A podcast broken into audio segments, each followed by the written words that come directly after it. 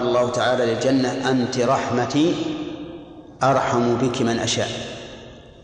ولكن يراد بالرحمة معنى آخر وهي فعل الله بالعبد أي رحمته للعبد. فأيهما أولى في هذه الآية؟ الأخ. آه أيهما أولى؟ أي. نعم. يحذر الآخرة أي يحذر عذاب الآخرة ويرجو رحمة الله. يعني يحذر النار ويرجو الآخرة ويرجو الجنة. أي نعم. هذا هذا ما ذهب إليه المؤلف. لكن لماذا لا نقول يرجو أن يرحمه الله؟ ويكون المراد بالرحمة هنا رحمة الله التي هي فعله. يعني يرجو أن يرحمه الله بالأمرين. بالنجاة من النار وبدخول الجنة. هذا المعنى أحسن. هذا المعنى أحسن. لأن المتبادر في الغالب المتبادر في الغالب لمعنى الرحمة أن تكون فعل الله. يعني أن الله يرحمك. وأيضا إذا قلنا رحمة الله صار يرجو أن ينجو من النار أو من عذاب الآخرة وأن يفوز بالجنة. ويرجو رحمة ربه. قال كمن هو عاص بالكفر أو غيره. أفادنا المؤلف رحمه الله بهذا التقدير أن أن الآية يبين الله فيها أنه لا يستوي هذا وهذا. هل يستوي من هو قانت آناء الليل ساجدا وقائما؟ كمن هو عاصم بالكفر وغيره؟ الجواب لا. وهذا من بلاغة القرآن. القرآن فيه أشياء كثيرة تحذف لدلالة المذكور على المحذوف. وهذا من البلاغة. كيف يكون من البلاغة؟ لأنه إذا حذف الشيء استفاد المخاطب فائدتين. الفائدة الأولى اختصار الكلام. انتبه. وهذا واضح ولا غير واضح؟ الفائدة الثانية قوة الانتباه. لأن الآية إذا كان فيها شيء محذوف فإن الذهن يتطلع إلى هذا الشيء المحذوف. فتجد الإنسان يتوقف يفكر يتأمل. ما الذي حذف وما تقديره. لكن لو جاء الكلام مرسلا هكذا لم يحصل له هذا التوقف وهذا التفكير. أنت الآن لو قرأت الآية الكريمة أمن هو قانت آناء الليل ساجدا وقائما يحذر الآخرة ويرجو رحمة ربه قل هل يستوي الذين لوجدت نفسك متشوفا إلى إيش؟ إلى شيء آخر. الكلام ما تم. لا بد أن هناك شيء آخر. وحينئذ يشتد انتباهك. يشتد انتباهك وتزداد تأملا في المعنى. فصار وجه البلاغة عبد الله. نعم.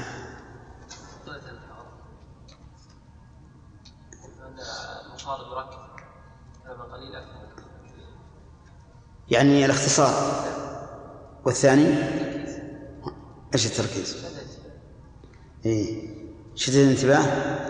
كيف الأول فهمنا الاختصار واضح أن حذف شيء من الكلام يقتضي قلة الكلام واختصار الكلام لكن الثاني لأنه إذا كانت العبارة قليلة كان أسهل فهم المخاطب وأشد.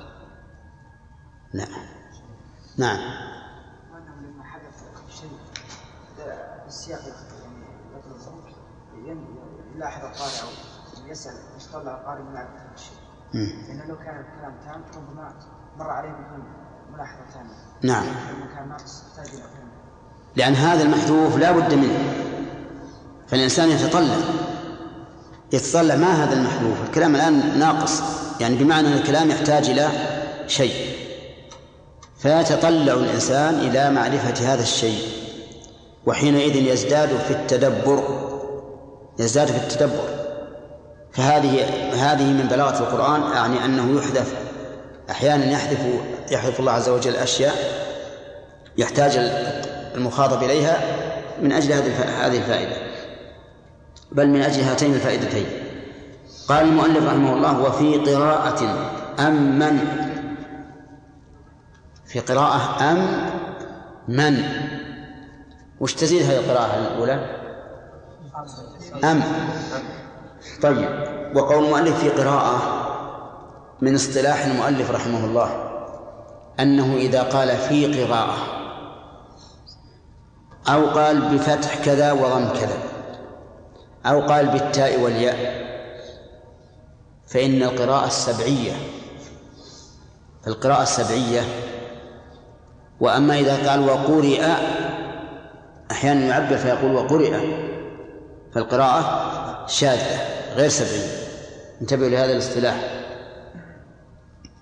إذا أتى بقراءتين متساويتين مثل يقول في قراءة أو بالضم والفتح أو بالياء والتاء وما أشبه ذلك من العبارات فالقراءة سبعية. أما إذا قال وقرئ بصيغة المبني المجهول فالقراءة شاذة بناء على هذه القاعدة تكون القراءة أمن ها سبعية لأنه قال وفي قراءة أمن فأم بمعنى بل والهمزة. بمعنى بل والهمزة أي بل أمن هو. بل أمن هو قانت آناء الليل. فتكون للإضراب والإضراب هنا إبطالي أو انتقالي؟ ها؟ انتقالي. مؤكد يا جماعة؟ مؤكد. أنه أنه إضراب انتقالي. والفرق بين الإضراب الانتقالي والإضراب الإبطالي أنه في الإضراب الإبطالي يكون الأول ملغى. والعمدة على الثاني. وأما في الانتقالي فالأول باقي على ما هو عليه والثاني استئنافي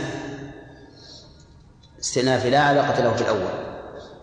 يقول أما قل هل يستوي الذين يعلمون والذين لا يعلمون؟ قل من؟ أه يا محمد أو قل يا من يصح منه الخطاب؟ هل يستوي الذين يعلمون والذين لا يعلمون؟ استفهام بمعنى النفي. هل يستوي الذين يعلمون والذين لا يعلمون؟ الجواب؟ لا لا يستوي الذين يعلمون والذين لا يعلمون. وهذا عام في كل علم. فلا يستوي العالم والجاهل. حتى في علم النجارة والحدادة والكيمياء وغيره لا يستوي الذي يعلم والذي لا يعلم. لكن هذا لا يقتضي أن يكون العالم ممدوحا. لا لا يقتضي أن يكون العالم ممدوحا لأن من العلوم من جهله خير من علمه. فإذا كان العلم مذموما وقلنا لا يستوي الذين يعلمون والذين لا يعلمون ها؟ صار غير العالم أفضل. وإذا كان العلم ممدوحا وقلنا لا هل يستوي الذين يعلمون والذين لا يعلمون؟ صار العالم أفضل. طيب إذا جاء إذا إذا جاءت هذه الكلمة أو هذه الجملة في علم الشريعة. ها العالم أفضل في علم النحو. طيب في علم الكلام. الجاهل أفضل. نعم. كما قال بعض السلف الجهل بالكلام علم. الجهل بالكلام علم. لأن علم الكلام أدى بأصحابه إلى مهالك. حتى إن فطاحل علمائهم يتمنون وهم في سياق الموت أنهم ماتوا على دين العجائز. ودين العجائز أسلم وإن كان جهلا لكنه أسلم من علم يؤدي بهم والعياذ بالله إلى الشك والحيرة. طيب قل هل يستوي الذين يعلمون؟ والذين لا يعلمون وهذه من من الآيات القليلة اللفظ الكثيرة الكثيرة المعنى. لأنه يمكن أن تطبقها على كل علم لكن هل هو هذا العلم محمود أو مذموم على حسب الحال أي لا يستويان كما لا يستوي إيش؟ العالم والجاهل شو الكلام هذا؟ معكم حاشة جمال؟ لو قال العلم والجهل والجهل كان أوضح ما ذكر ها؟ ما تكلم عنه. لا لا بتكلم ما تكلم وش اللي قبل؟ بس أما قالت اي نعم قوله بتخفيف الميم أي فالهمزة لاستفهام الإنكار كما سيشير له بقوله أي لا يستويان.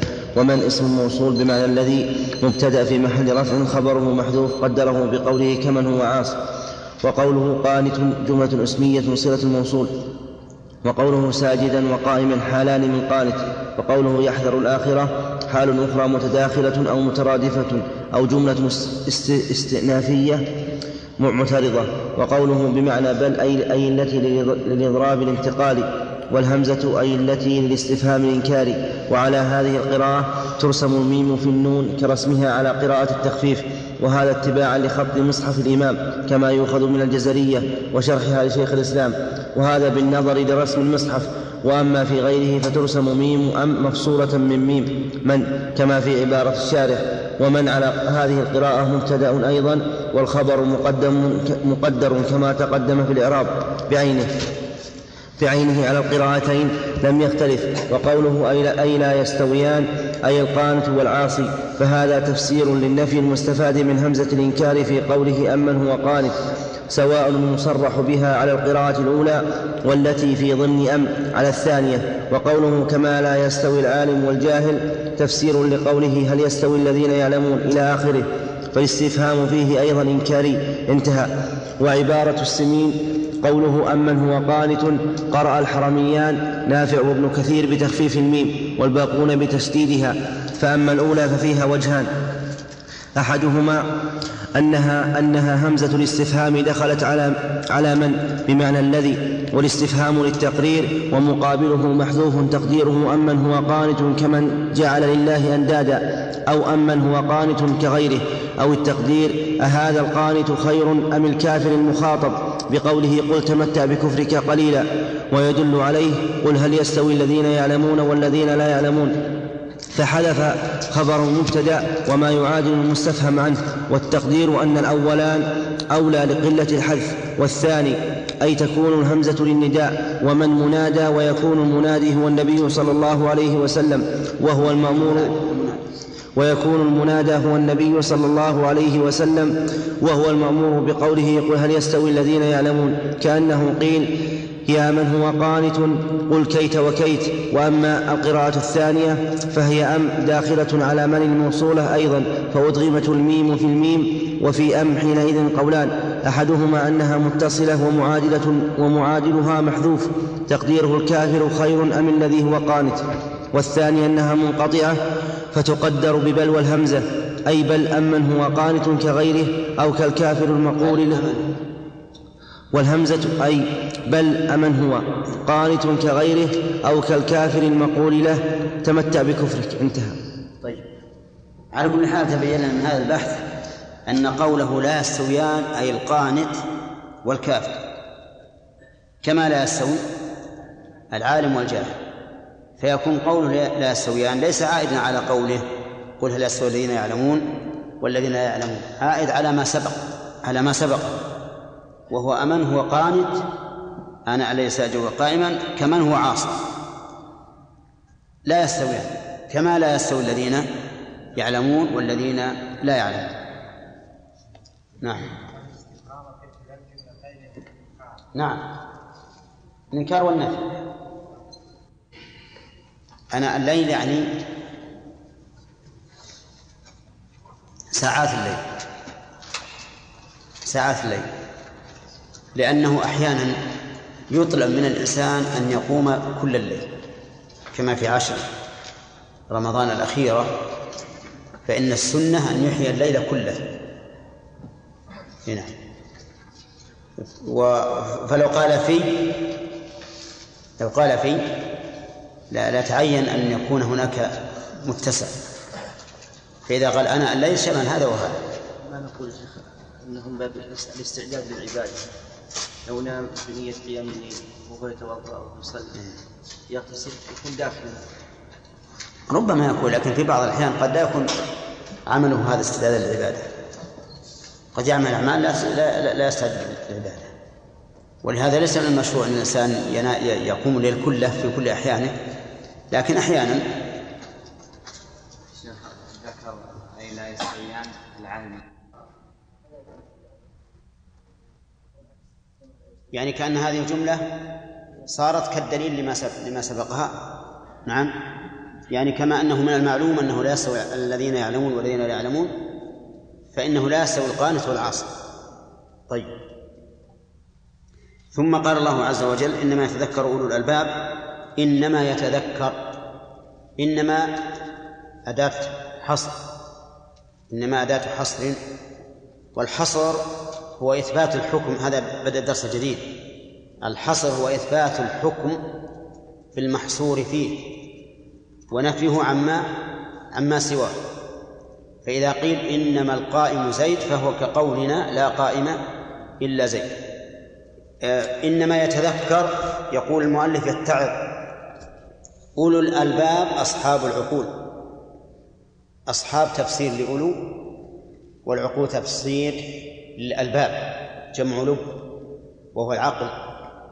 لأن الإنسان بلا عقل قشور ولا يكون إنسانا حقيقة إلا بالعقل.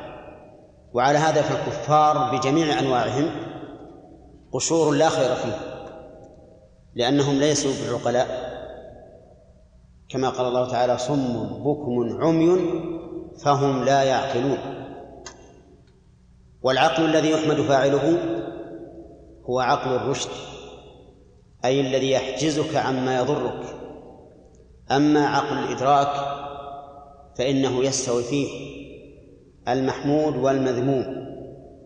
عقل الإدراك الذي يترتب عليه التكليف وهو الذي يأتي في كلام الفقهاء يقولون من شروط العبادة العقل. يعني عقل إيش؟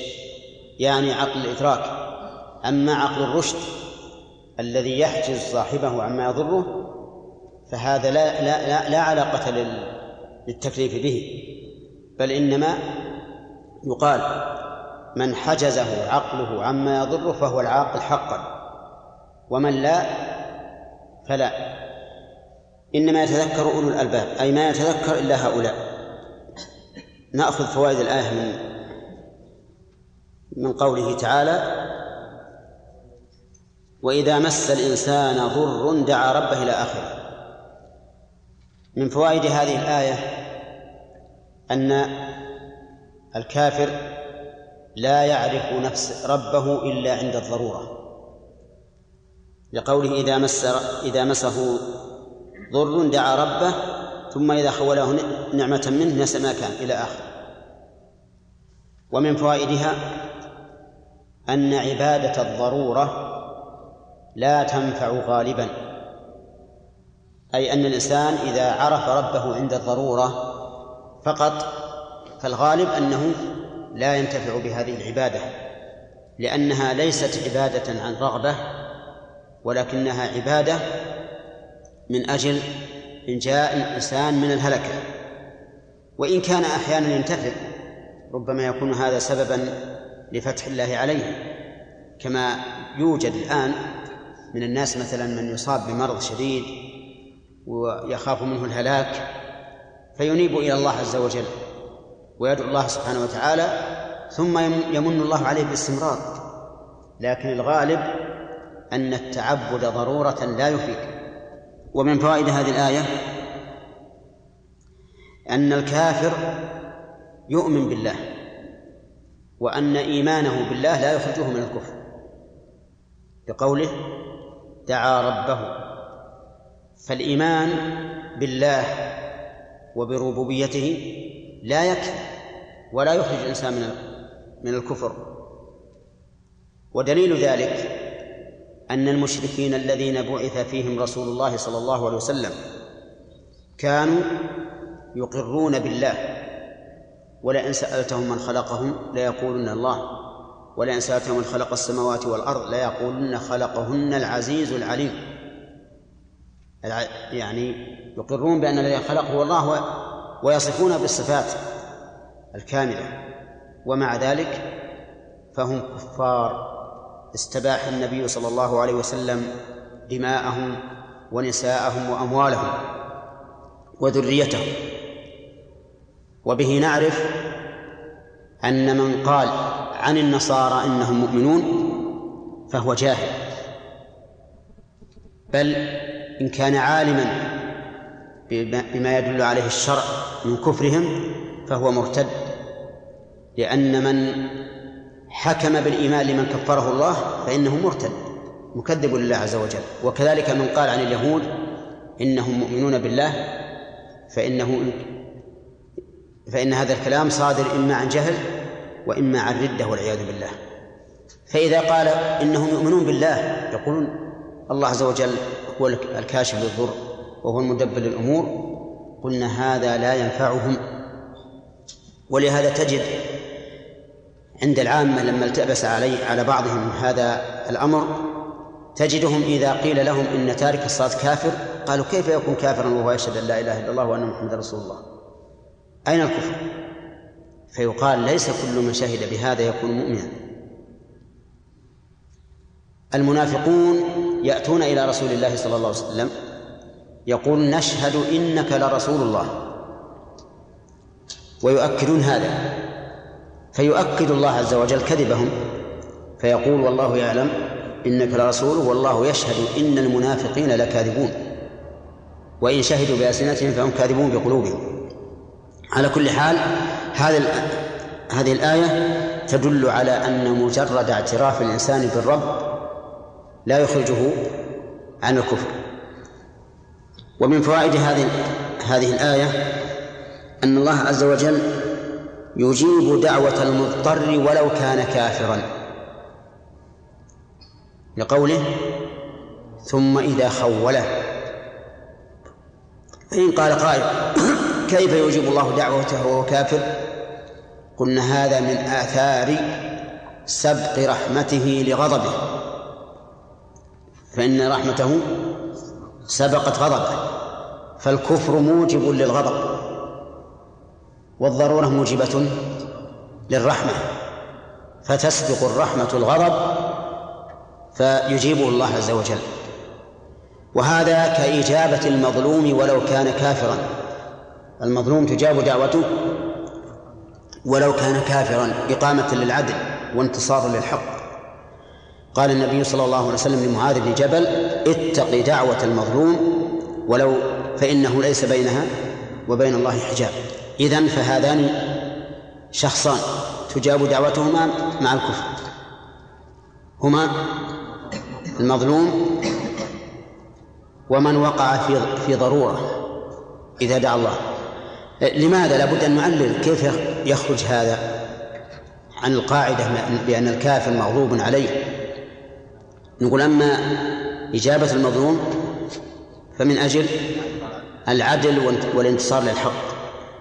وأما إجابة المضطر فلأن المضطر اجتمع في حقه سببان سبب موجب للرحمة وهو الضرورة وسبب موجب للغضب والانتقام وهو الكفر. ورحمة الله تعالى قد سبقت غضبه نعم. ومن فوائد هذه الآية الكريمة أن النعمة محض فضل من الله. لقول ثم إذا خوله نعمة خوله نعمة. فالنعمة محض فضل من الله عز وجل لأنها لا يمكن أن تكون مكافأة عن عمل. فإن الإنسان لو حوسب على عمله محاسبة دقيقة لكان عمله لا يقابل واحد بالملايين من من من نعم الله عز وجل. فيخرج مغلوبا. بل إن بعض العلماء رحمهم الله يقولون إن العمل الصالح من نعمة الله. نفس العمل من النعمة. فإذا شكر العمل صار الشكر نعمة. وإن شكر الشكر صار نعمة أخرى. وعلى هذا قول الشاعر إذا كان شكري نعمة الله نعمة علي له في مثلها يجب الشكر فكيف بلوغ الشكر إلا بفضله؟ وإن طالت الأيام واتصل العمر. صحيح هذا ولا لا؟ صحيح. إذا كان شكري نعمة الله نعمة علي له في مثلها يجب الشكر فكيف بلوغ الشكر إلا بفضله وإن طالت الأيام واتصل العمر؟ لأنك إذا أنعم الله عليك نعمة ثم شكرته فشكرك إياه نعمة. ثم إن شكرته على الشكر فهو نعمة أخرى وهلم جر. نعم. يقول ومن فوائد الآية الكريمة أن الكافر وإن شئت فقل الإنسان ينسى النعمة ينسى النعمة. إذا أنعم الله عليه النعمة نعمة بعد ضرورة نسي ثم عاد إلى غيه. نعم وهذا خطير جدا على الإنسان. هو هذا هو واقع الإنسان. واقع الإنسان أن الله إذا أنعم عليه نعمة بإنجائه من ضرورة نسي ذلك ثم عاد إلى غيه. وهذا يقع. نجد الأحداث الآن تمر بالناس. يمكن في حال حلول هذه الأحداث يمكن أن أن يكون لهم رجعة بعض الشيء. ولكن إذا زالت الضرورة عادوا إلى ما كانوا عليه من قبل. بل ربما يحملهم الأشر والبطر على أن يزيدوا في غيهم وهذا له خطورته. فإن فإن الله تعالى ذكر في القرآن أن الإنسان إذا عاد إلى غيه بعد إنقاذه من الهلاك فإن الله يصيبه بعذاب أشد أشد من الأول. نعم يقول عز وجل قال ومن فوائد هذه الآية الكريمة أن الكافر يعود إلى كفره ولا يذكر أن ما دعا ما دعا الله إليه من قبل. وهو ها؟ إنقاذه من الضرورة. لقوله تعالى نسى ما كان يدعو إليه من قبل وجعل لله أندادا. ومن فوائد الآية الكريمة أن الله عز وجل لا ند له لا ند له لأن الله أنكر على من جعل له أندادا فيكون في هذا رد على أهل التمثيل الذين أثبتوا لله الصفات مع التمثيل فقالوا إن الله تعالى له وجه كوجوهنا ويد كأيدينا وعين كأعيننا وساق كسوقنا. وهكذا. نقول كلامكم هذا كذب. وأنتم وأهل التعطيل سواء. لأنكم أنتم عطلتم النص عن مدلوله الصحيح. إذ أن مدلول النصوص في صفات الله صفات لائقة بالله عز وجل. فإذا جعلتموها للتمثيل حرفتموها. حرفتموها. وعلى هذا فيكون في الآية رد على من؟ على أهل التمثيل الذين أثبتوا الصفات لله عز وجل مع التمثيل نقول هذا هذا الفعل منكم تعطيل في الحقيقة تعطيل لماذا؟ لمدلول النص الصحيح لأن مدلول النص فيما يتعلق بالصفات صفات لائقة بالله عز وجل ومن فوائد هذه الآية الكريمة أن هؤلاء الكفار يحرصون على أن يضل الناس بفعلهم لقوله ليضل عن سبيله ليضل على قراءة الضم ليضل عن سبيله ومن فوائدها أنه كما يكون الاقتداء بالقول يكون الاقتداء بالفعل كيف ذلك؟ لأن هذا الكافر جعل الله أندادا وكان جعله الأنداد سببا ها لضلال غيره. ومنه ويتفرع على هذا فائدة وهي تحذير الإنسان ولا سيما القدوة من المخالفة. تحذير الإنسان ولا سيما القدوة من المخالفة لأن الناس سوف يقتدون به ويحتجون بفعله. عرفتم؟ فمثل طالب العلم إذا صار إذا قام إلى الصلاة يكثر الحركة يكثر الحركة. مرة يحك رأسه ومرة يحك ظهره ومرة يحك بطنه ومرة يعرك عينه ومرة يعني ينظر ساعته ومرة يكتب ما تذكر في صلاته. نعم. إذا كان هذا طالب العلم يفعل هذا الشيء فإن الناس سوف يقتدون به. لو أنكر على واحد من الناس كثرة الحركة كثرة الحركة لقال فلان يفعل. ولهذا أحيانا ننكر على بعض الناس المعاملات الربوية التحيلية. فيقولون فلان يفعل كذا من الناس ممن هو من طلبة العلم. فالناس يحتجون. وهذه الآية تدل على أن على أن الاقتداء يكون بالفعل. لقوله وجعل لله أندادا ليضل عن سبيله ولم يقل ودع الناس ليضل ليضلوا عن عن سبيل الله. بل جعل فعله سببا ها لضلال الناس. سببا لضلال الناس وهذا يدل على الاقتداء بالفعل كالقول. طيب. وإن شئ وأما على قراءة الفتح فيؤخذ منه فائدة. وهي أن جعل الأنداد لله ضلال.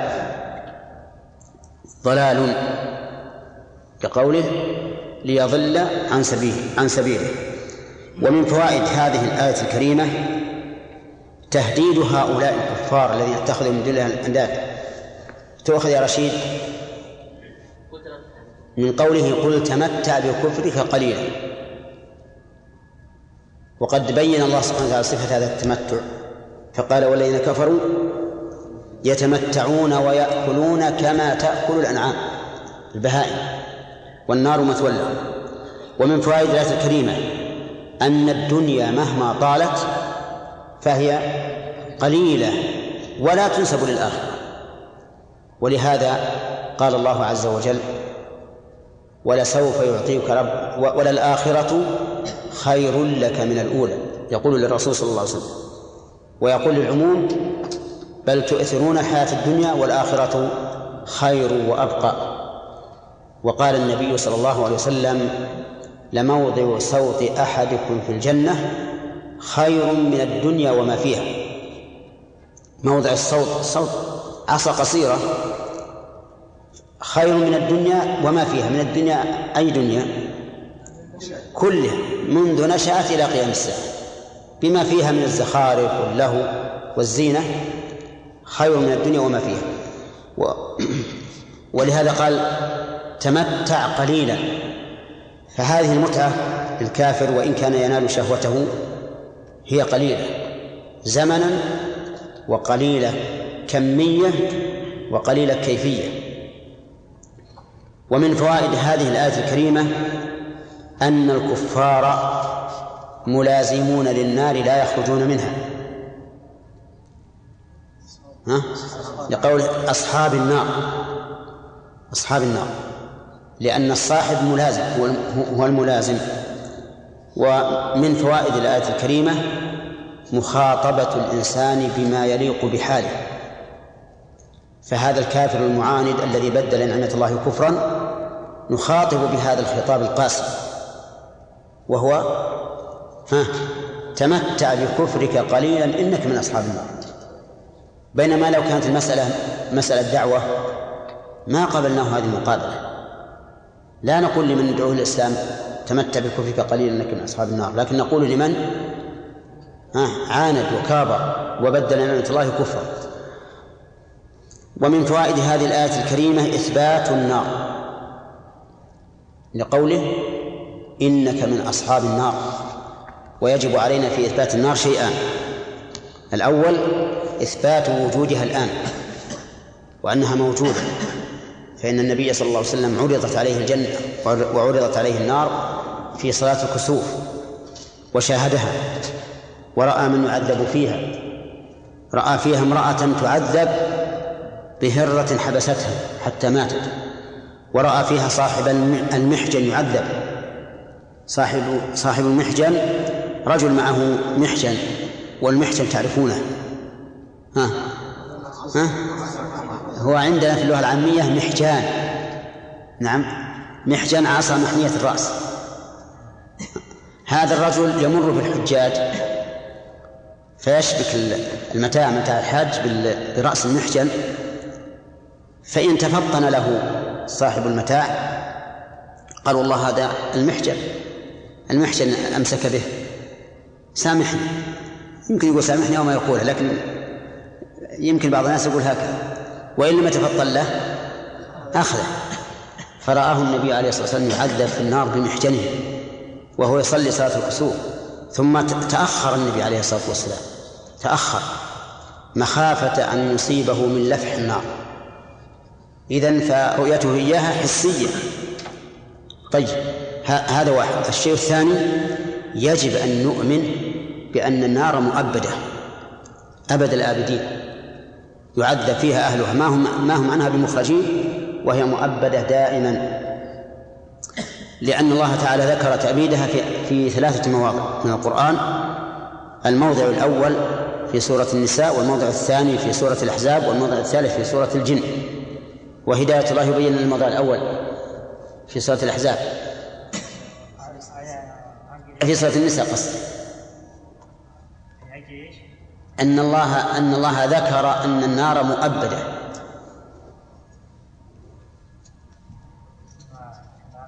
ها؟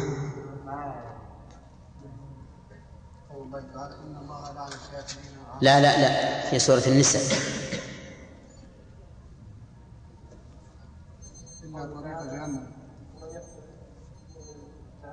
لا لا. لا.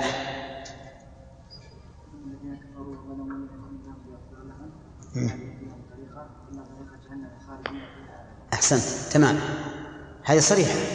خالدين فيها أبدا. طيب. الموضع الثاني في سورة الأحزاب. من؟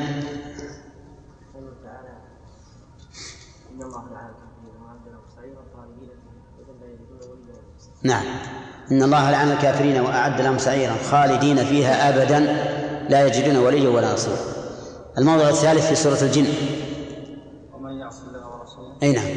فإن له نار جهنم خالدين وين التعبيد؟ ومن يعص الله ورسوله فإن له. فإن له ها؟ نار جهنم نعم. وين التعبيد؟ خالدين فيها أبدا. خالدين فيها أبدا. تمام.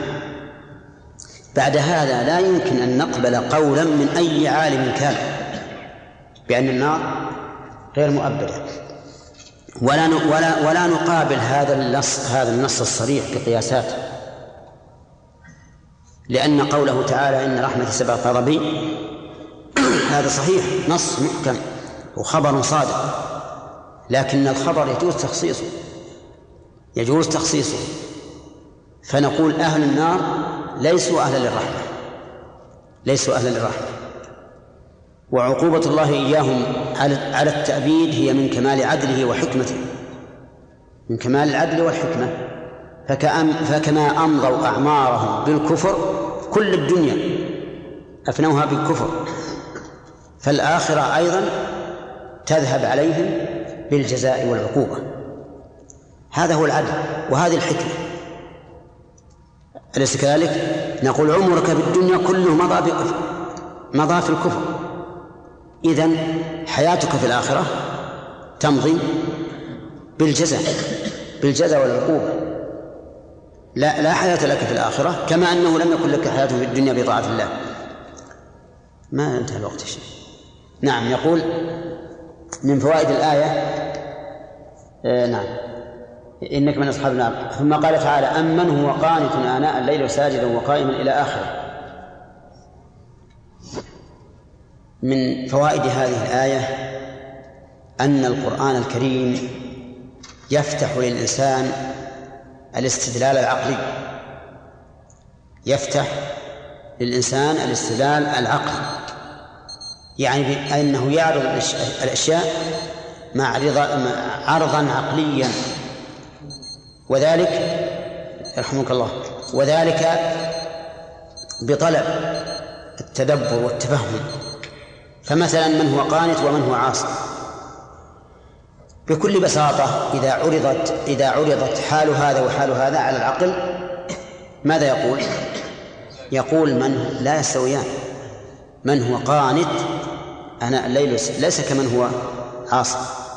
وهذه هذه من الطرق التي ينبغي لطالب العلم عند المناظرة أن يتخذها سبيلا إلى إفحام الخصم لأن كثيرا من الخصوم قد لا يقتنعون بمجرد الدليل الأثري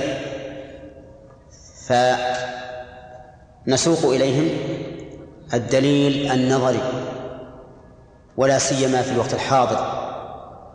حيث اتخذ كثير من الناس إن لم أقل أكثرهم طريق إبليس سبيلا وهو معارضة السمع بما يظنه عقلا يعني معارضة النصوص بما يظنون أنه عقل.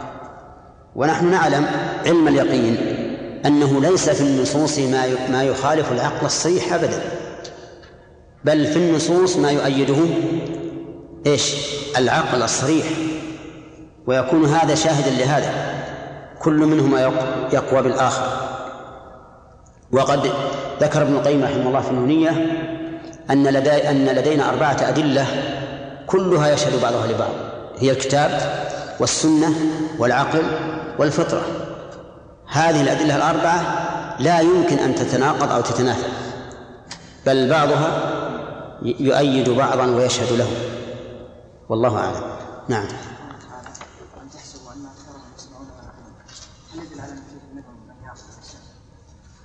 نعم. أي نعم. لا في فيه فيه من من عقل وسمع من سمع وعقل إي. ولا كل كافر لا يسمع ولا يعقل. بعض الناس اللي من الله عليهم بالهداية إذا من الله عليهم بالهداية خرجوا عن الكفر. اي نعم يعني في المستقبل يعني يسمعون أو يعقلون في المستقبل. قد يكون يمن الله عليهم نعم لكن ما داموا في في هذه الحال فإنهم لا يسمعون ولا يعقلون. ولهذا قال إنهم إلا كالآن بل هم أضل سبيلا فالآية التي ذكرت موافقة لله هذا أن الكافر ليس عنده سمع ولا عقل. نعم. ما قيل عن شيخ الإسلام أنه قال النار ما هو صحيح. ما هو صحيح ولنفرض أن الذي قال بفناء النار وحاشاه من ذلك أبو بكر. أفضل من الشيخ الإسلام ألف مرة. هل نقبله مع وجود الآيات؟ ها؟ لا نقبل. الحقيقة إذا وجدنا قولا مخالفا للكتاب والسنة من أي قائل به فإن موقفنا أن نعتذر عنه. أن نعتذر عنه. لا أن نجعل حجة قوله حجة على كلام الله ورسوله. واضح؟ مهما كان. يعني ما في أحد معصوم. ليس فيه أحد معصوم من الخطأ أبدا إلا إلا من عصمه الله عز وجل كالرسل. ممكن نقول أن قراءة يضل. أبلغ من قراءة يضل. لا. لكن يمكن أن نقول إنه أضل لأنه ضل. أضل لأنه ضل. هذه يعني هذا هذا متعدي لا شك يضل متعدي ضرره الغير لكن لا قلنا إنه ضل أولا فأضل ثانيا. يكون مجموع القراءتين فيهما فائدة ما تحصل بانفراد أحدهما. نعم. للذين أحسنوا في هذه الدنيا حسنة وأرض الله واسعة. إنما يوفى لا هو لك ولا لا؟ شلون شلون؟ تنتبه تاخذ أنت شلون؟ الله مخلصا له الدين وأمرت لأن أكون أول المسلمين قل إني أخاف إن عصيت ربي عذاب يوم عظيم قل مخلصا إيش؟ كيف؟ أعبد مخلصا له ديني فاعبدوا ما شئتم من دونه قل إن الخاسرين الذين خسروا أنفسهم خسروا أنفسهم وأهليهم يوم القيامة ألا ذلك هو الخسران بس نعوذ بالله من الشيطان الرجيم أظننا ناقشنا ها؟ ها؟ من أين؟ منين؟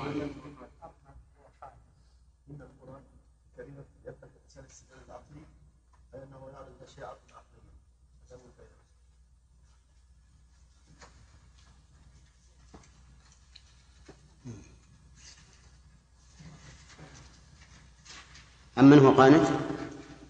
قال الله عز وجل أمن هو قانت آناء الليل ساجدا وقائما يحذر الآخرة ويرجو رحمة ربه إلى آخره في هذه الآية بيان الفرق بين الناس في عبادة الله عز وجل و... وأنه لا سواء بين من هو قانت آناء الليل ساجدا وقائما إلى آخره ومن هو عاص بعيد عن الله عز وجل. ومن فوائد الآية أن ظاهر أن ظاهرها دوام الطاعة آناء الليل في في السجود والقيام أي في الصلاة. ولكن السنة بينت ذلك وأن الأفضل في قيام الليل أن ينام نصفه ويقوم ثلثه وينام سدسه. وهذا من تقييد القرآن بالسنة. ومن فوائد الآية فضيلة صلاة الليل لقوله آناء الليل. وقد دل على ذلك دلت على ذلك السنة. فقال النبي صلى الله عليه وسلم أفضل الصلاة بعد المكتوبة صلاة الليل. ومن فوائد هذه الآية فضيلة القيام والسجود من بين أركان الصلاة. وقد بينا وجه ذلك أثناء التفسير أن القيام شريف بذكره والسجود شريف بهيئته.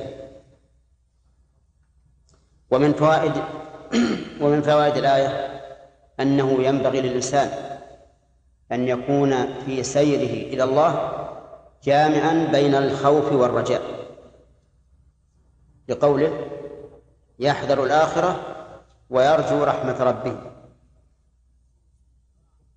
ولكن هل يكونان سواء؟ أو يغلب جانب الرجاء أو يغلب جانب الخوف. في هذا أقوال لأرباب السلوك. فمنهم من قال ينبغي أن يكون رجاؤه رجاؤه وخوفه واحدا كجناحي الطير. إذا مال أحدهما اختل طيرانه. قال الإمام أحمد رحمه الله ينبغي أن يكون خوفه ورجاؤه واحدا. فأيهما غلب هلك صاحبه. لأنه إن غلب جانب الخوف أدخله في اليأس والقنوط. وإن غلب جانب الرجاء أدخله في الأمن من مكر الله. وقال بعض أرباب السلوك ينبغي أن يغلب جانب الرجاء. لقول الله تعالى في الحديث القدسي أنا عند ظن عبدي بي. فإن ظن بي خيرا فله وإن ظن بي شرا فله. وعلى هذا يغلب جانب الرجاء. وقال بعض العلماء يغلب عند فعل الطاعات جانب الرجاء. فإذا فعل طاعة فليغلب جانب القبول. فليغلب جانب القبول دون جانب الرد. أما في فعل المعصية فإن الأولى أن يغلب جانب الخوف لئلا يقع في المعصية.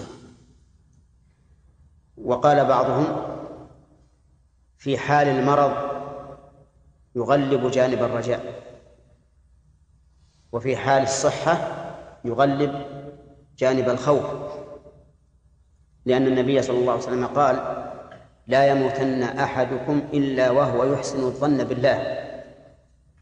والمريض قد وجد فيه سبب الموت وهو المرض فيغلب جانب الرجاء ليموت وهو يحسن الظن بالله. ولو قال قائل إنه يرجع في ذلك إلى نفس الإنسان. والإنسان هو طبيب نفسه.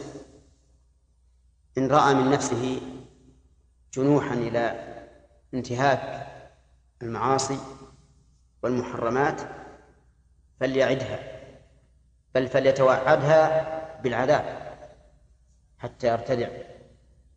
وإن رأى من نفسه قوة على طاعة الله ومثابرة عليها وقياما بها فليغلب جانب الرجاء حتى يحسن الظن بالله. وهذا يرجع إلى الإنسان نفسه والإنسان في بعض الأحيان يكون يغلب هذا وفي بعض الأحيان يغلب هذا. ومن فوائد نعم نعم. يعني لو قيل بهذا لكان أحسن. لو قيل بهذا لكان أحسن. من فوائد هذا الحديث من فوائد الآيات, الآيات إثبات إثبات عذاب الآخرة. لقوله يحذر الآخرة ولا يحذر الشيء إلا آه. إلا بثبوته أما ما ليس بثابت فلا يحذر ومن فوائد الآية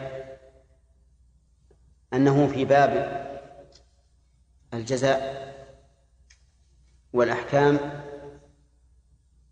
يغلب جانب الربوبية لقوله ويرجو رحمة ربه لأن الربوبية هي التي فيها التصرف والسلطان. ومن فوائد الآية الكريمة أنه لا يستوي الذين يعلمون والذين لا يعلمون. يقول قل هل يستوي الذين يعلمون والذين لا يعلمون. ومن فوائدها أن هذا النفي أمر معترف به لأنه جاء بصيغة الاستفهام. ونحن ذكرنا أنه إذا جاء الاستفهام مرادا به النفي صار مشربا معنى التحدي. ومن فوائد الآية فضيلة العلم. فضيلة العلم. ولكن يجب أن نعلم أن العلم يشرف بشرف موضوعه. وعلى هذا فأفضل العلوم العلم بأسماء الله وصفاته لأن هذا أشرف موضوعات العلم. ثم العلم بأحكامه من يريد الله به خيرا يفقهه في الدين. ثم تتلو العلوم حسب مراتبها. وأخص العلوم أخص العلوم ما يصد عن سبيل الله وعن طريق السلف الصالح. مثل علم الفلسفة علم الكلام علم الكلام وما أشبهه. إلا إذا تعلمه الإنسان من أجل أن يرد به على أهله. فهنا قد يكون تعلمه واجبا لأن ما لا يتم الواجب إلا به فهو واجب. ولهذا أمر النبي عليه الصلاة والسلام زيد بن ثابت رضي الله عنه أن يتعلم لغة اليهود. مع أن تعلم اللغات الأجنبية ليس محمودا ولا مأمورا به لكن لما كان وسيلة إلى معرفة ما يأتي من من الكتابات من اليهود والرد عليهم بلغتهم أمره النبي صلى الله عليه وسلم أن يتعلم لغة اليهود. وتعلم لغة اليهود في خلال ستة عشر يوما. لأن زيد زيد بن ثابت رضي الله عنه من من الأذكياء فتعلمها. ثم إن اللغة العبرية قريبة من اللغة العربية فسهل تعلمها. طيب من فوائد الآية الكريمة أن أصحاب العقول هم أهل الاتعاظ. لقوله إنما يتذكر أولو الألباب. ومن فوائدها أن من لا يتذكر فهو ناقص العقل. لأنه إذا كان لا يتذكر أصحاب العقول فمن لا يتذكر يكون ناقص العقل ولا شك. ونقصان عقله بحسب نقصه في التذكر. ووجه ذلك من الناحية العقلية النظرية أن أن الإنسان العاقل لا يمكن أن يختار لنفسه إلا ما فيه النجاة. ولا نجاة من عذاب الله إلا بالتذكر والاتعاظ. فلهذا كان العقل السليم يستلزم أن يتذكر الإنسان ويتعظ من أجل طلب ما هو أحظ للنفس وأنفع وللآخرة خير لك من الأولى. ومن فوائد الآية الثناء على على ذوي العقول حيث جعلهم هم المتذكرين. المتعظين المنتفعين بما يسمعون. ثم قال الله عز وجل قل يا عبادي الذين آمنوا اتقوا ربكم. قل الخطاب للرسول صلى الله عليه وسلم أو لكل من يتود من يصح توجيه الخطاب إليه. فعلى الأول يكون التقدير قل يا محمد. وعلى الثاني يكون التقدير قل أيها الإنسان. نعم. يا عبادي الذين آمنوا اتقوا ربكم. عبادي هنا آه، فيها شيء محذوف وهو الياء التي دلت عليها الكسرة في قوله يا عباد وحذفت الياء تخفيفا. قل يا عبادي الذين آمنوا اتقوا ربكم الذين عطف بيان أو وصف. الذين الذين الذين آمنوا آمنوا الإيمان في اللغة التصديق أو الإقرار. بل نقول الإقرار لأنه هو المطابق للإيمان في التعدي والعمل. يقال أقر بكذا وآمن بكذا. التصديق لا يطابقه تماما.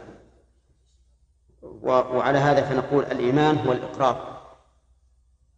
لكنه ليس مجرد الإقرار كما قاله بعض طوائف المبتدعة. من هم؟ أي المرجئة؟ المرجئة الجهمية. مرجئة الجهمية. نقول هو الإقرار المستلزم للقبول والإذعان. هذا الإيمان. إذا لم يستلزم للقبول والإذعان فإنه ليس بإيمان. طيب الذين آمنوا اتقوا ربكم قال المؤلف أي عذابه وفي هذا نظر. بل المراد تقوى الله عز وجل. والله سبحانه وتعالى يضيف التقوى أحيانا إلى نفسه وأحيانا إلى النار وأحيانا إلى يوم الجزاء. فقد قال الله تعالى واتقوا النار التي أعدت للكافرين. بعد أن قال بعد أن قال يا أيها الذين آمنوا اتقوا الله وذروا ما بقي من الربا إن كنتم مؤمنين. لا. يا أيها الذين آمنوا لا تأكلوا الربا أضعافا مضاعفة واتقوا الله لعلكم تفلحون واتقوا النار. فلو فسرت تقوى الله بتقوى عذابه لكان في الآية تكرار. فالصواب أن الله يضيف التقوى أحيانا إلى نفسه وأحيانا إلى النار وأحيانا إلى إلى يوم الجزاء كما في قوله واتقوا يوما ترجعون فيه إلى الله والصحيح أن أن أن أنها تفسر بما تضاف إليه. قوله اتقوا الله أي اتقوا الله نفسه لعظمته وكمال سلطانه عز وجل. اتقوا الله اتقوا ربكم أي عذابه بأن تطيعوه. أي عذابه نقول الصحيح أي الله نفسه. وقول بأن تطيعوه هذا تفسير للتقوى. وعلى هذا فنقول التقوى طاعة الله. بفعل أوامره واجتناب نواهيه. لأن أصل التقوى مأخوذ من الوقاية. ولهذا يقولون إن أصلها وقوى من الوقاية والوقاية هي اتخاذ ما يقل اتخاذ ما يقل الإنسان. ولا يقل الإنسان من عذاب الله إلا طاعة الله. ولهذا نقول إن أجمع ما قيل في التقوى أنها طاعة الله كما قال المؤلف رحمه الله أو اتخاذ وقاية من عذابه بفعل أوامره واجتناب نواهيه. اتقوا ربكم. انتهى الكلام. يا عبادي الذين آمنوا اتقوا ربكم. ثم قال للذين أحسنوا في هذه الدنيا حسنة. للذين خبر مقدم وحسنة مبتدا مؤخر. للذين أحسنوا في هذه الدنيا. أحسنوا بماذا؟ الإحسان يكون في عبادة الله ويكون إلى عباد الله. الإحسان يكون في عبادة الله ويكون إلى عباد الله. أما الإحسان في عبادة الله فلا أجمع ولا أصدق من تفسير النبي صلى الله عليه وسلم له حين سأله جبريل عن الإيمان. فقال أن تؤمن بالله فقال عليه حين سأله عن الإحسان فقال أن تعبد الله كأنك تراه. فإن لم تكن تراه فإنه يراك. إذا عبد الإنسان ربه كأنه يراه فسوف يعبده حق العبادة. لأنه يعبد الله كأنه يرى الله. وهذا يعني تكون عبادته مبنية على كمال اليقين. كمال اليقين. وإذا كانت كذلك فلا بد أن تكون موافقة للأمر. ولا بد أن تكون خالصة إذن الإحسان تمام الإخلاص وتمام المتابعة تمام الإخلاص وتمام المتابعة من أين عرفنا أن هذا حده؟ لقولها أن تعبد الله كأنك تراه وعبادة الله على هذا الوجه هي مبنية على تمام إيش؟ لا على تمام اليقين أن تعبد الله كأنك تراه وهذه المرتبة أعلى من المرتبة الثانية فإن لم تكن تراه فإنه يراك يعني فإن لم تعبده على هذا الوجه فاعلم أنه يراك. ويقال إن الأول إحسان الطلب والثاني إحسان في الطلب والثاني إحسان في الهرب. إحسان في الهرب. يعني العابد طلبا أكمل حالا من العابد هربا. طيب إذن الإحسان في عبادة الله بأي شيء نحده؟ بما حده النبي صلى الله عليه وسلم في قوله لجبريل الإحسان أن تعبد الله كأنك تراه فإن لم تكن تراه فإنه يراك أي أن تعبده عبادة مبنية على تمام اليقين. وهذا يلزم منه أن تكون العبادة خالصة لله متابعا فيها شريعة الله. طيب الإحسان إلى عباد الله. الإحسان إلى عباد الله يكون بالمال والبدن وهو كثير. قد تحسن إلى عباد الله بالمال كالصدقات والهدايا والهبات وقد تحسن إلى عباد الله بالبدن كالمساعدة وما أشبه ذلك. تعين الرجل في دابته فتحمله عليها أو ترفع له عليها متاعه. تعين عباد الله بالجاه, بالجاه والشفاعة. عند الحاجة إلى ذلك. المهم أن الإحسان إلى عباد الله متنوع كثير. وقد فسره بعضهم بأنه كف الأذى وبذل الندى وطلاقة الوجه. كف الندى عن الناس لأنه كف الأذى عن الناس لأن من لم يكف أذاه فإنه لم يحسن والثاني بذل الندى أي المعروف. والثالث طلاقة الوجه بأن تلقى الناس بوجه منطلق منشرح لا بوجه مقطب معبس. طيب الإحسان إذن إيش؟ إحسان في في عبادة الله وإحسان إلى عباد الله. ولهذا للذين أحسنوا أي في عبادة الله وإلى عباد الله وقوله في هذه الدنيا حسنة. قوله في هذه الدنيا حسنة هل نجعل في هذه الدنيا متعلقا بأحسن أو نقول هو خبر مقدم وحسن مبتدأ مؤخر والجملة من المبتدأ والخبر خبر للذين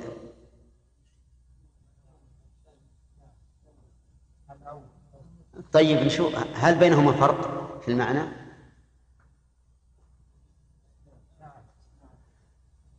إذا قلنا للذين أحسنوا في هذه الدنيا حسنة في هذه الدنيا متعلقة بأحسن بأحسن وحسنة خبر مبتدأ خبره للذين. هذا وجه.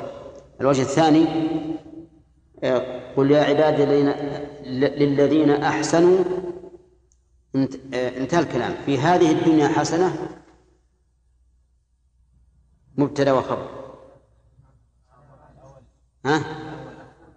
الأول أحسن. طيب. الفرق بينهما. إذا وقفنا هنا ما تمام الآية إلى آخر الآية فإن يكون الذين أحسنوا وقفنا في هذه الدنيا حسنة تكون الحسن في هذه الدنيا فقط. نعم. ما تمام إذا كما إذا أخذنا من الوجه الثاني تصبح الذين أحسنوا في هذه الدنيا حسنة إيش الحسنة في الدنيا وفي الآخرة؟ يكون إحسانهم في الدنيا. إحسانه في الدنيا يتطلب الحسنة. يعني أن إحسانهم في الدنيا وجزاؤهم حسنة طيب هذا ما مشى عليه المؤلف. يقول للذين أحسنوا في هذه الدنيا بالطاعة. يعني إذن في هذه الدنيا متعلقة بإيش؟ بأحسنوا طيب وقول المؤلف بالطاعة فيه قصور. وجهه أننا قلنا إن الإحسان يشمل الإحسان في عبادة الله والإحسان إلى عباد الله. وعلى كلام المؤلف في العبادة فقط ولكن الصحيح ما ما ذكرنا حسنة لهم حسنة قال المؤلف هي الجنة. و ولعله اعتمد في هذا التفسير على قوله تعالى للذين أحسنوا الحسنى وزيادة. فإن الحسنى هي الجنة والزيادة النظر إلى وجه الله ولكن سنسأل هل حسنة هنا تطابق الحسنى هناك؟ آه. لماذا؟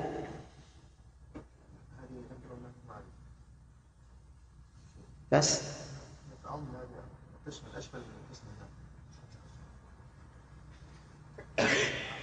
يعني المراد منه يعني حال حال طيب.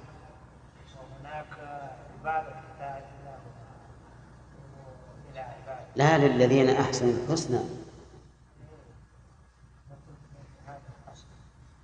الحسنى أفعل تفضيل. نعم. أحسنت. وهنا نكرة لا تدل على التفضيل. نعم. فعندي أن في في تفسير هذه الآية بما تفسر به تلك الآية نظر. بل نقول لهم حسنة وهذا مطلق. فيحتمل أن المعنى للذين أحسنوا في هذه الدنيا حسنة أي جزاء على إحسانهم أي لكل إحسان يحسنونه حسنة.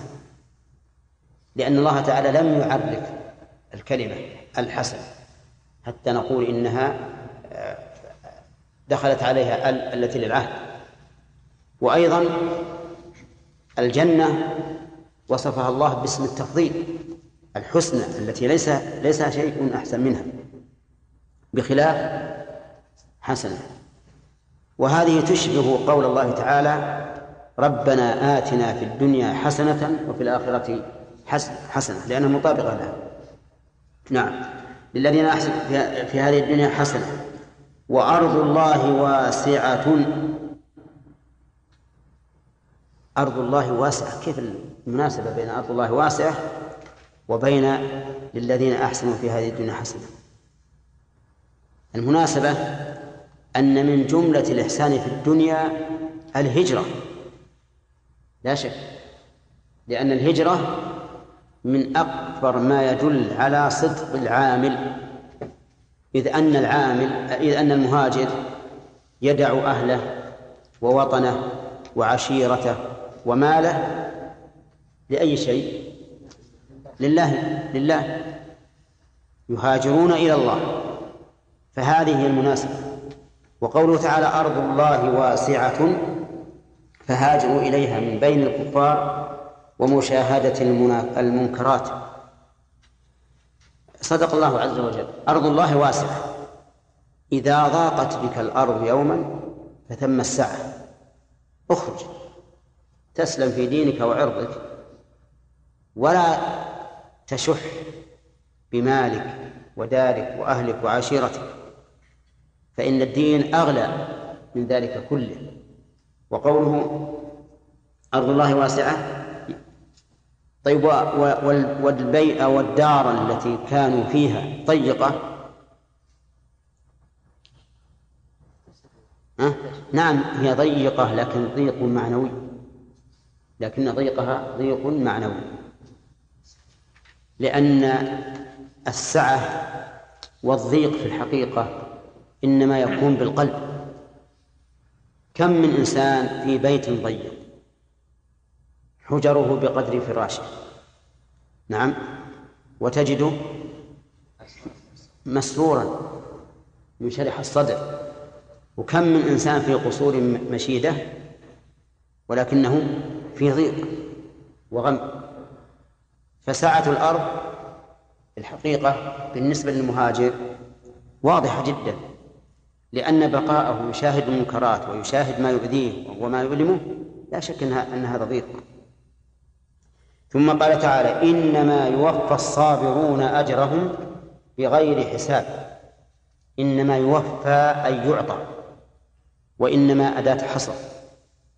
والمعنى ما يوفى الصابرون أجرهم إلا بغير حساب أي أجرا كثيرا أكثر من من الأعمال. وقول يوفى الصابرون لماذا قال الصابرون وهم وهم موفون الأخ.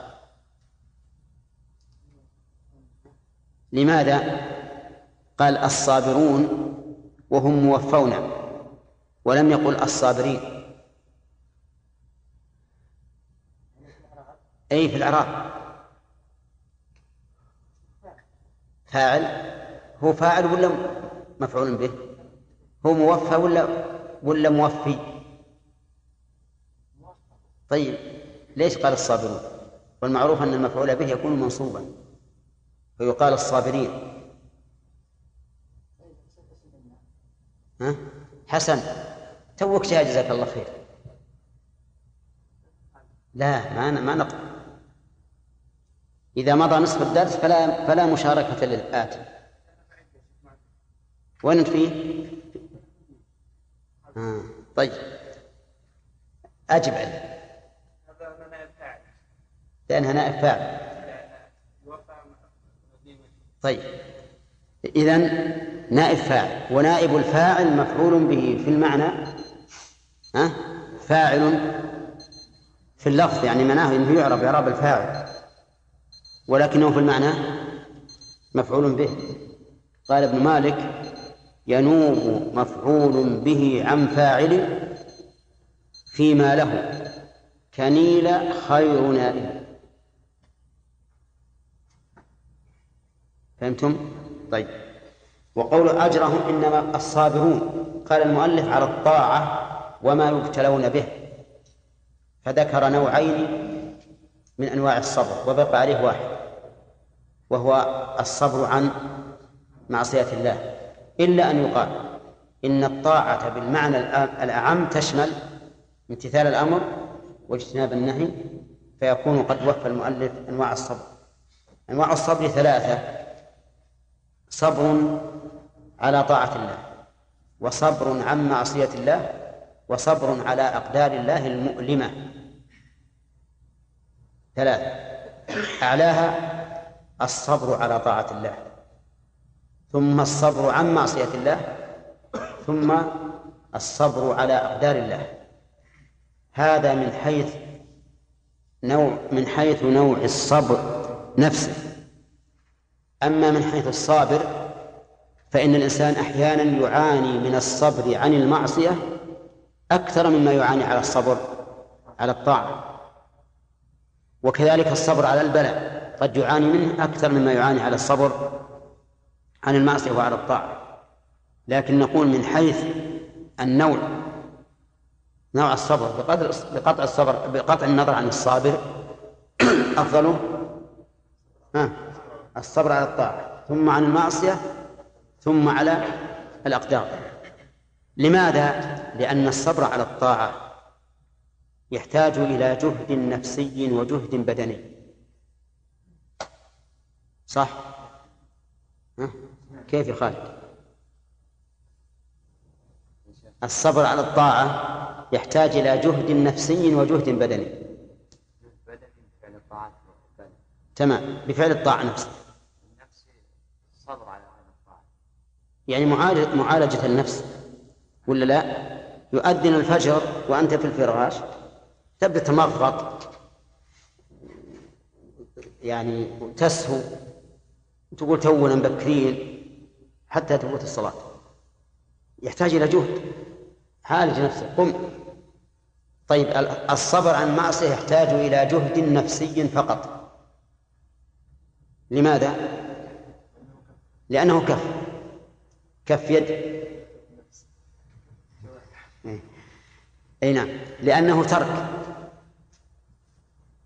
المعصية ترك اترك المعصية ما عليك أي تعب. لكن النفس تتعب. إذا كانت المعصية مما تدعو إليه النفس وكففت عن عنها تعبت النفس لا شك. إذا ليس فيها إلا تعب واحد. الصبر عن المعصية. ما هو؟ مازن ها. أي الصبر على المعصية ما فيه إلا معالجة واحدة أو مجاهدة واحدة من جانب أي يعني مجاهدة النفس على الترك ها؟ اجزم. على الترك. طيب. لا لكن الجهد البدني ما فيه جهد بدني. الصبر على على أقدار الله. المؤلمة هو أدناها. لماذا؟ لأن الأمر ليس إليك. الأمر ليس إليك. الأمر تم. فهو كما قال بعض السلف إما أن تصبر صبر الكرام وإما أن تسلو سلو البهائم صح؟ هو ما ليس من ليس منك أي عمل شيء لا بد أن يصيبك أصابك يقولون إن يوسف عليه الصلاة والسلام إنه ابتلي بأنواع الصبر الثلاثة صح؟ ابتلي يوسف ابن يعقوب ابتلي بأنواع الصبر الثلاثة ها؟ طيب هداية الله الصبر على الطاعة الصبر على الطاعة والصبر صبر على لا لا لا لا تروح الصبر على الطاعة في بماذا؟ الصبر على الطاعة إيه؟ التي رأى في النوم لا الذي دخل زليخة في في في الغرفة و- ومنع هذا لا لا لا. عن الطاعة.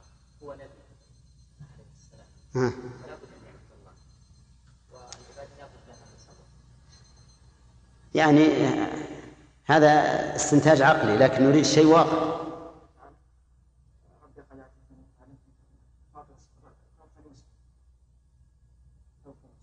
الدعاء يعني؟ أليس هو قد دعا إلى الله وهو في السجن؟ ولا لا؟ دعا إلى الله وهو في السجن. أرباب متفرقون خير أم الله واعتقار ما تعبدون من دون هذا هذا لا شك صبر. إنسان مسجون ويدعو الناس إلى إلى إلى التوحيد. طيب الصبر عن المعصية؟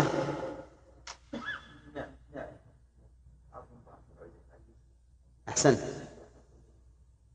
تمام. امتناعه عن أي عن موافقة امرأة العزيز. هنا راودته عن نفسه.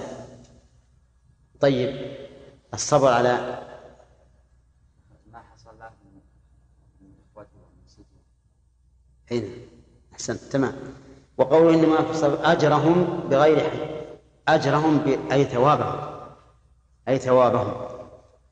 والله عز وجل بكرمه سمى الثواب أجرا. من باب اطمئنان العامل إلى استيفائه. ليش؟ لأن الأجر مقابل عمل لا بد أن يسلم. كأن كأن العمل والجزاء معاوضة. كأنه معاوضة. وعقد بين الله وبين العامل وبين العابد. أن الله يعطيه الثمن الأجر. مع أن الله سبحانه وتعالى هو هو المتفضل أولا وآخرا. هو المتفضل أولا بالتوفيق للعمل. ولولا أن الله أعانك وسددك ما قدرت. ثم المتفضل ثانيا بإيش؟ بالأجر. بالأجر. وقوله بغير حساب يقول بغير مكيال ولا ميزان. يعني يعني أن الأجر الذي يعطيه الله عز وجل على العمل ليس على سبيل التدقيق والمعاوضة التي تكون بين العباد. المعاوضة بين العباد عدل. عدل. عدل. يعني ما يعطيك أكثر مما مما تستحق. وأما ثواب الله عز وجل على الصبر فهو أكثر بدون حساب. فالحسنة بعشر أمثالها إلى سبعمائة ضعف إلى أضعاف كثيرة والصبر لا حساب له. الصبر لا حساب له. إذن يتوقع الصابر بأن له جزاء لا يدركه عقله من كثرته لأن الله قال إنما يوفى الصابرون أجرهم بغير حساب. كما أن الصبر فيه فيه فائدة عظيمة للإنسان نفسه وهو ترويض النفس على التحمل. ترويض النفس على التحمل. كثير من الناس يريد أن تكون الأمور بسرعة. يدعو الله عز وجل بكشف ضر ويتأخر تتأخر الإجابة يقول ليش؟ نعم وييأس. يقول اصبر. يحصل للناس مصائب عامة مصائب عامة. فتجده يريد السرعة في امتلائها. فنقول اصبر اصبر وطن نفسك على الصبر. هذه تربية أن توطن نفسك على الصبر. والصبر مع انتظار الفرج يعتبر من من أعظم العبادات. لأنك إذا كنت تنتظر الفرج فأنت تنتظر الفرج من الله عز وجل. هذه عبادة. وقد قال النبي عليه الصلاة والسلام واعلم أن النصر مع الصبر وأن الفرج مع الكرب. النصر قال مع الصبر والفرج مع الكرب. فكلما اقتربت الأمور فإن الفرج أقرب إليك. وأن مع العسر يسرا. نعم.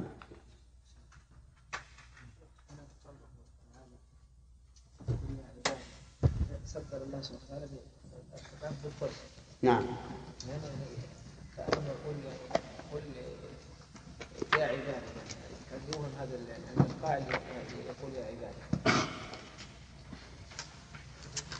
هذا الأشكال سيكون جواب عليه إن شاء الله عندما نستنبط الفوائد. نعم.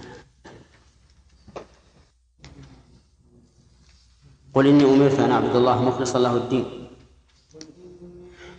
سدنا هنا.